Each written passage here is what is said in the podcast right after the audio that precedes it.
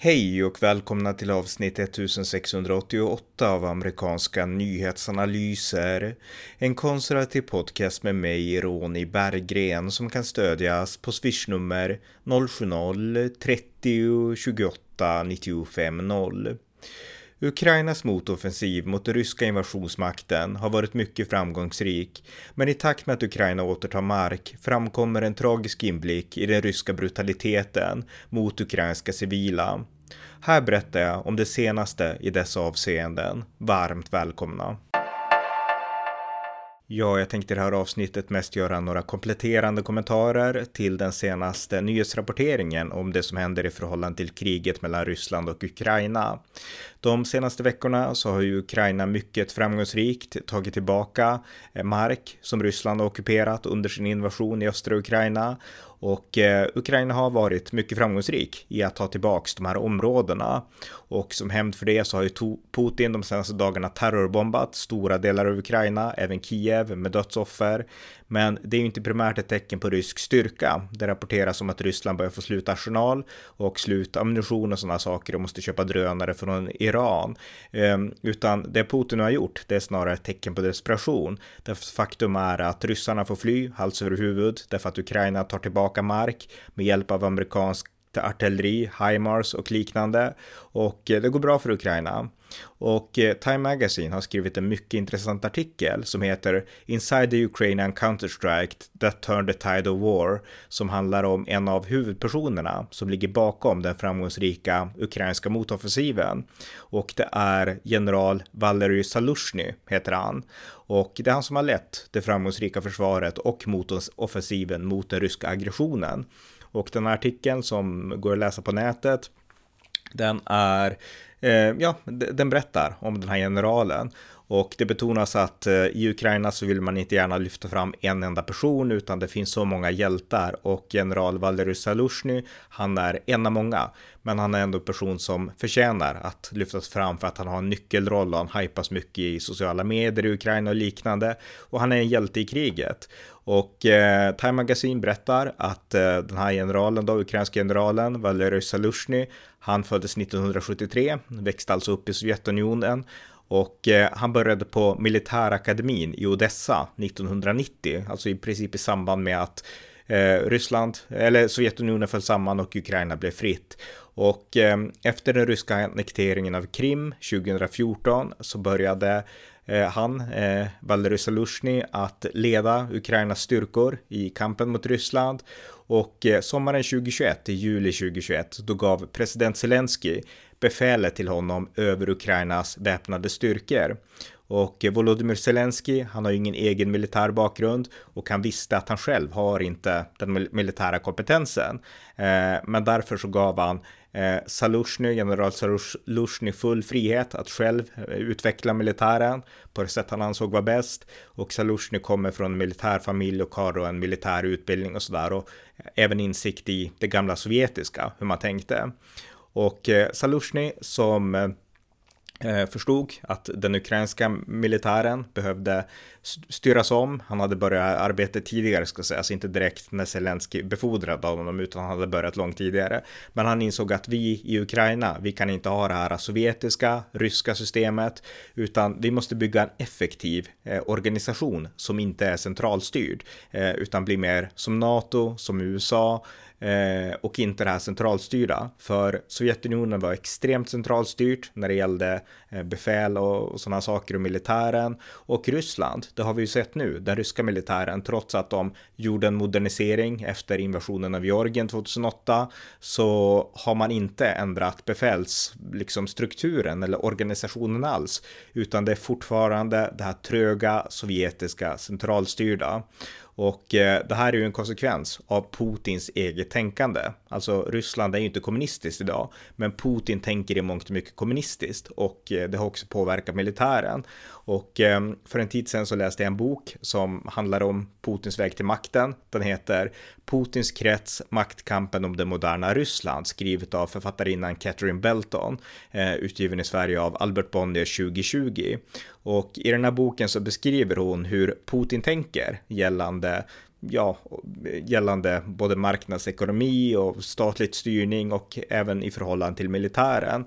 Och hon skriver den här boken om hur eh, Putin, eh, alltså hur Ryssland hade två privatägda varv, alltså som tillverkade eh, krigsfartyg och militära fregatter. Det var varven Severna Verf och Baltiski Savud, eh, heter de varven, och de ägdes privat.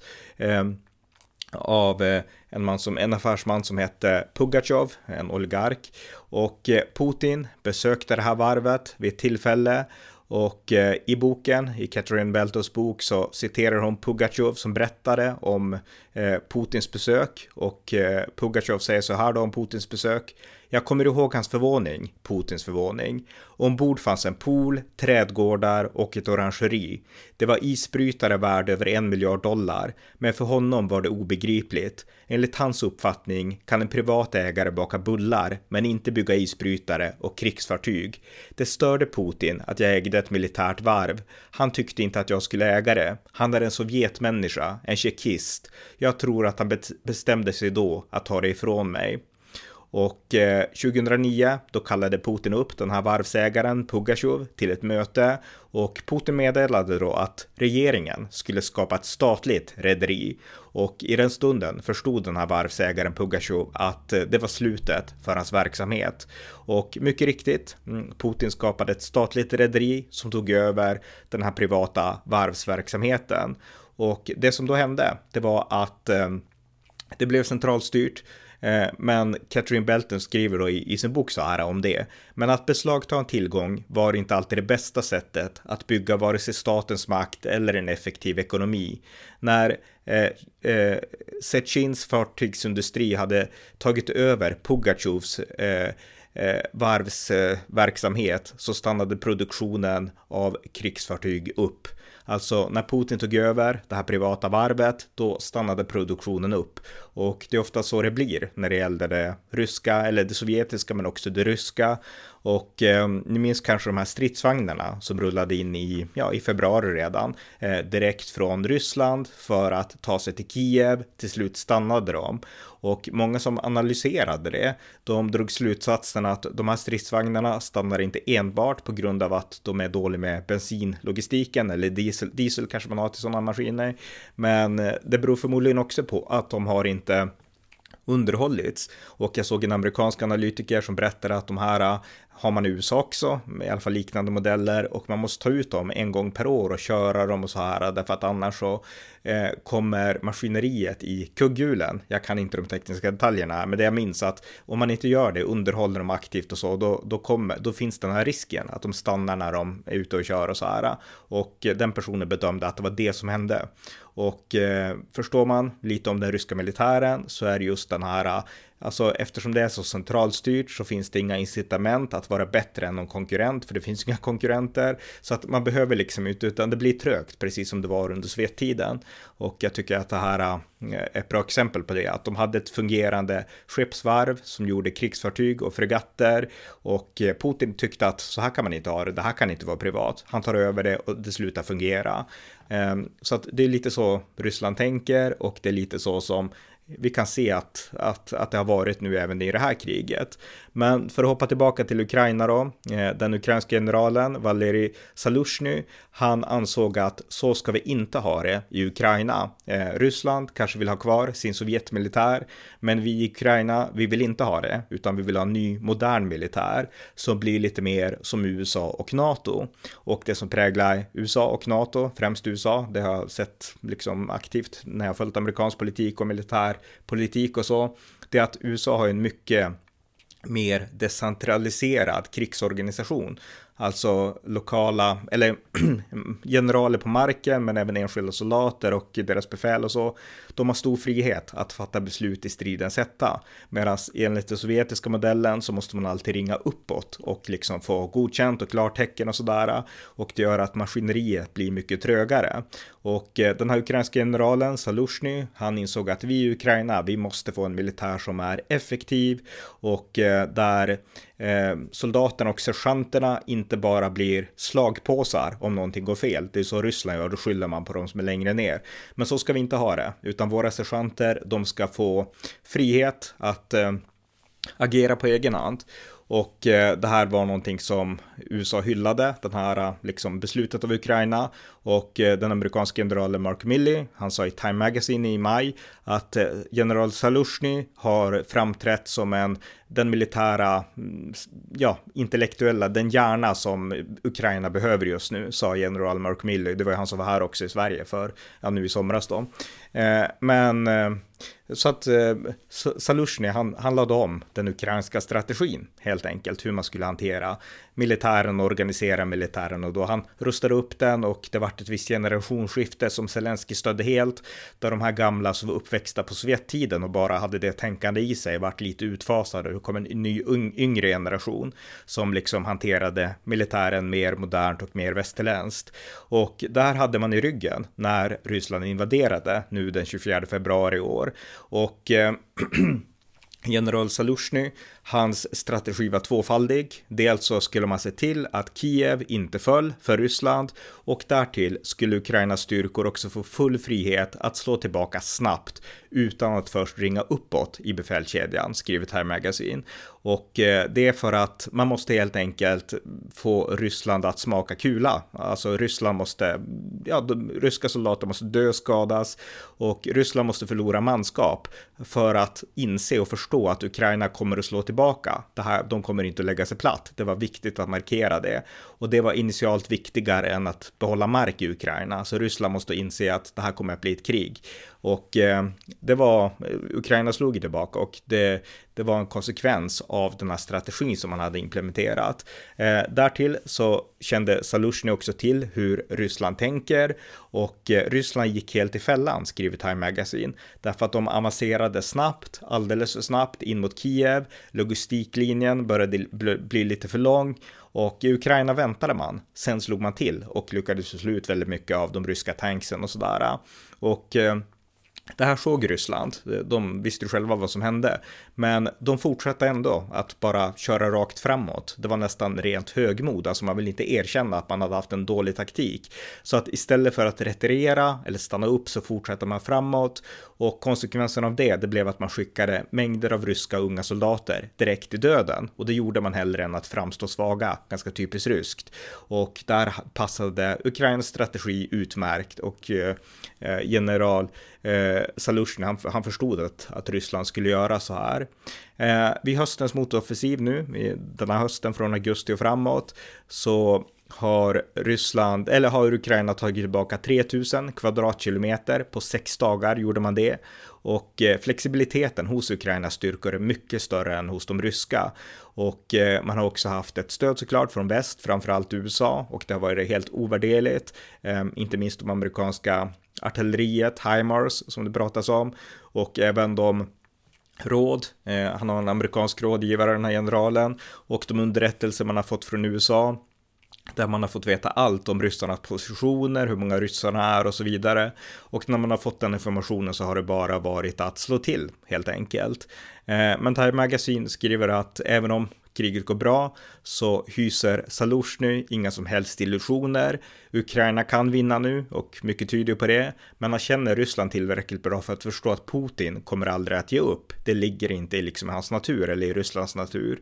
Och eh, om, om Ukraina vinner just nu så ja, då får man förbereda sig på att Ryssland kommer en dag att göra ett nytt krigsförsök. Eh, därför att Ryssland kommer inte att sluta. Det här är liksom deras ögonsten att ta Ukraina därför att de tycker, eller Putin tycker att Ukraina tillhör Ryssland och han bygger den här mytiska urhistorien liksom Ryssland och Ukraina och eh, Ryssland kommer inte ge upp och det här är någonting som väst också måste förstå att Ryssland kommer inte ge upp, inte ens om deras soldater dör som flugor ungefär.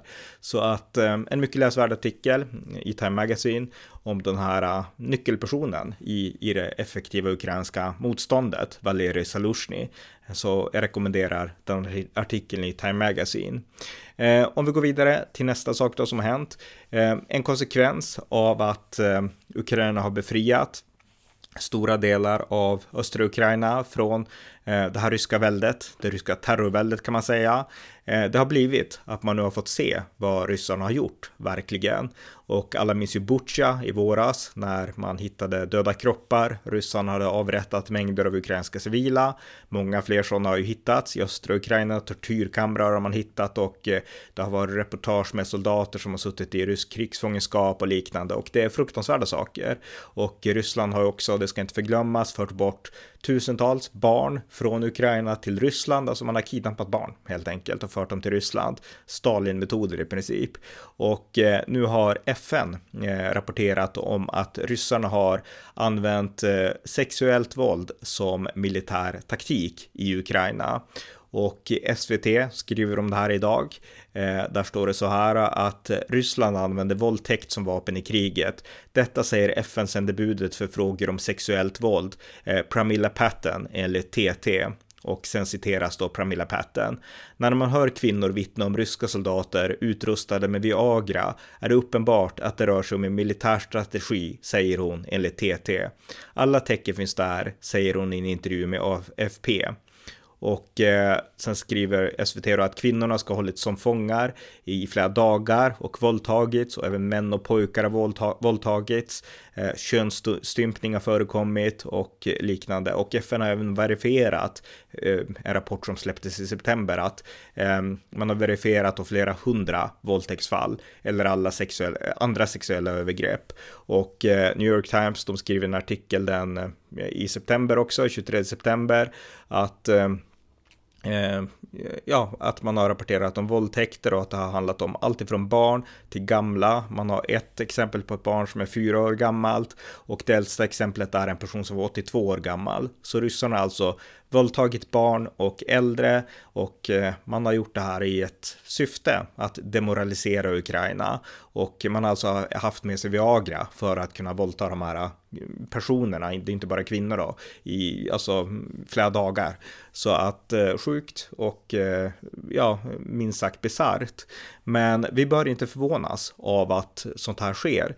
Ehm, jag tänkte påminna också om en podd som jag gjorde den 6 juni nu i år, i somras, eh, poddavsnitt 1578 Eh, avsnittet, avsnittet heter Stalins erövring av Europa och Putins förbrytelser i Ukraina. Och i det avsnittet så berättar jag om en annan bok som jag läste i somras. Den boken heter Stalins hämnd, Röda armén i Tyskland 1944 till 1945 av den svenska historikern Niklas Sennerteg. Och eh, i den här boken så berättas det om hur Ryssland använde våldtäkter, även under andra världskriget i samband med då att man gick in i östra Europa och framförallt in i Tyskland. Och det här var den eh, sannolikt den största massvåldtäkten i världshistorien och eh, under våren där, eh, 1945, så våldtogs ungefär 1,9 miljoner tyska kvinnor av ryssarna som invaderade, skriver eh, Senderteg då. Så att eh, Ryssland har en historia av de här massvåldtäkterna som vapen och som, ja, bara barbariskt beteende. Och eh, i det här poddavsnittet berättar jag också om andra likheter som finns utöver våldtäkterna. Eh, när de sovjetiska soldaterna kom så tog man allt möjligt. Man tog siden, man tog material från tyskarna och skickade hem det till sina fruar i, i Ryssland. Och det är precis så som ryssarna nu gör i Ukraina. Man har tagit tvättmaskiner och man har tagit alla möjliga saker, kabel, internetgrejer och allting och bara skickat hem till Ryssland ungefär. Så att eh, ryssarna är lika barbariska nu som man var i samband med andra världskriget. Och eh, jag tycker det är viktigt att påminna om det. Så att lyssna gärna på det avsnittet för där går jag verkligen in utifrån Senatregs bok i vad Stalin gjorde efter kriget, poddavsnitt 1578. Det finns i amerikanska nyhetsanalysers poddarkiv. Så att det var egentligen bara de här sakerna jag ville berätta. Eh, den här ukrainska motoffensiven, det är en konsekvens av att eh, Ukraina haft skickliga ledare, inte minst generalen då Valerij Salushny. Eh, men man har upptäckt tragiska saker i samband med att man har återtagit mark av Ryssland. Man har upptäckt hur Ryssland har byggt tortyrkammare och man har kunnat liksom konfirmera att eh, massiva systematiska våldtäkter har ägt rum. Så att eh, vi kan glädjas åt de ukrainska framgångarna, men tyvärr så uppdagar de också att det har hänt många tragiska saker under den tid som den här marken har ockuperats av Ryssland. Och eh, inte minst av de här anledningarna så är det av största vikt att väst fortsätter stödja Ukraina nu. Eh, det kommer att bli vinter, gaspriserna och oljepriserna och sånt kommer att gå upp och väst kommer att pressas att överge Ukraina av utifrån den ekonomiska realiteten. Men vi får inte ge upp, utan vi måste inse nu att eh, det är inte bara Ukraina som är hotat, det är hela Europa. Putin är en imperialist, han måste besegras, de ryska styrkorna tryckas tillbaka hem till Ryssland och eh, sen får de hålla sig där. Och vi måste vara uthålliga i vårt stöd till Ukraina. Det är det viktiga och det måste vi fortsätta att påminna om. Så att det här var bara som sagt eh, några korta extra kommentarer till eh, till de senaste nyheterna om utvecklingen i Ukraina.